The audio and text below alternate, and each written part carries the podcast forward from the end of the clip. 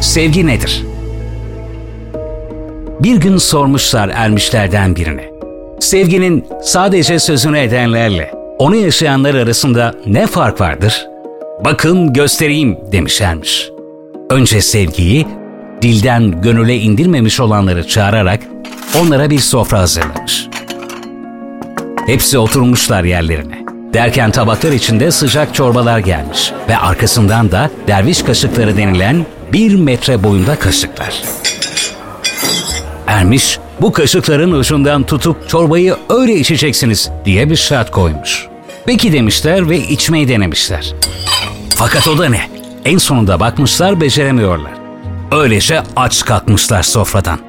Bunun üzerine şimdi demiş Ermiş. Sevgiyi gerçekten bilenleri çağıralım yemeğe. Yüzleri aydınlık, gözleriyle gülümseyen ışıklı insanlar gelmiş, oturmuş sofraya. Buyurun deyince her biri uzun boylu kaşığını çorbaya daldırıp sonra karşısındaki kardeşine uzatarak içirmiş. Böylece her biri diğerini doyurmuş ve şükrederek kalkmışlar sofradan. İşte demişlermiş. Kim ki gerçek sofrasında yalnız kendini görür ve doymayı düşünürse o aç kalacaktır. Ve kim kardeşini düşünür de doyurursa o da kardeşi tarafından doyurulacaktır. Şüphesiz ve şunu da unutmayın, gerçek pazarında alan değil, veren kazançtadır daima.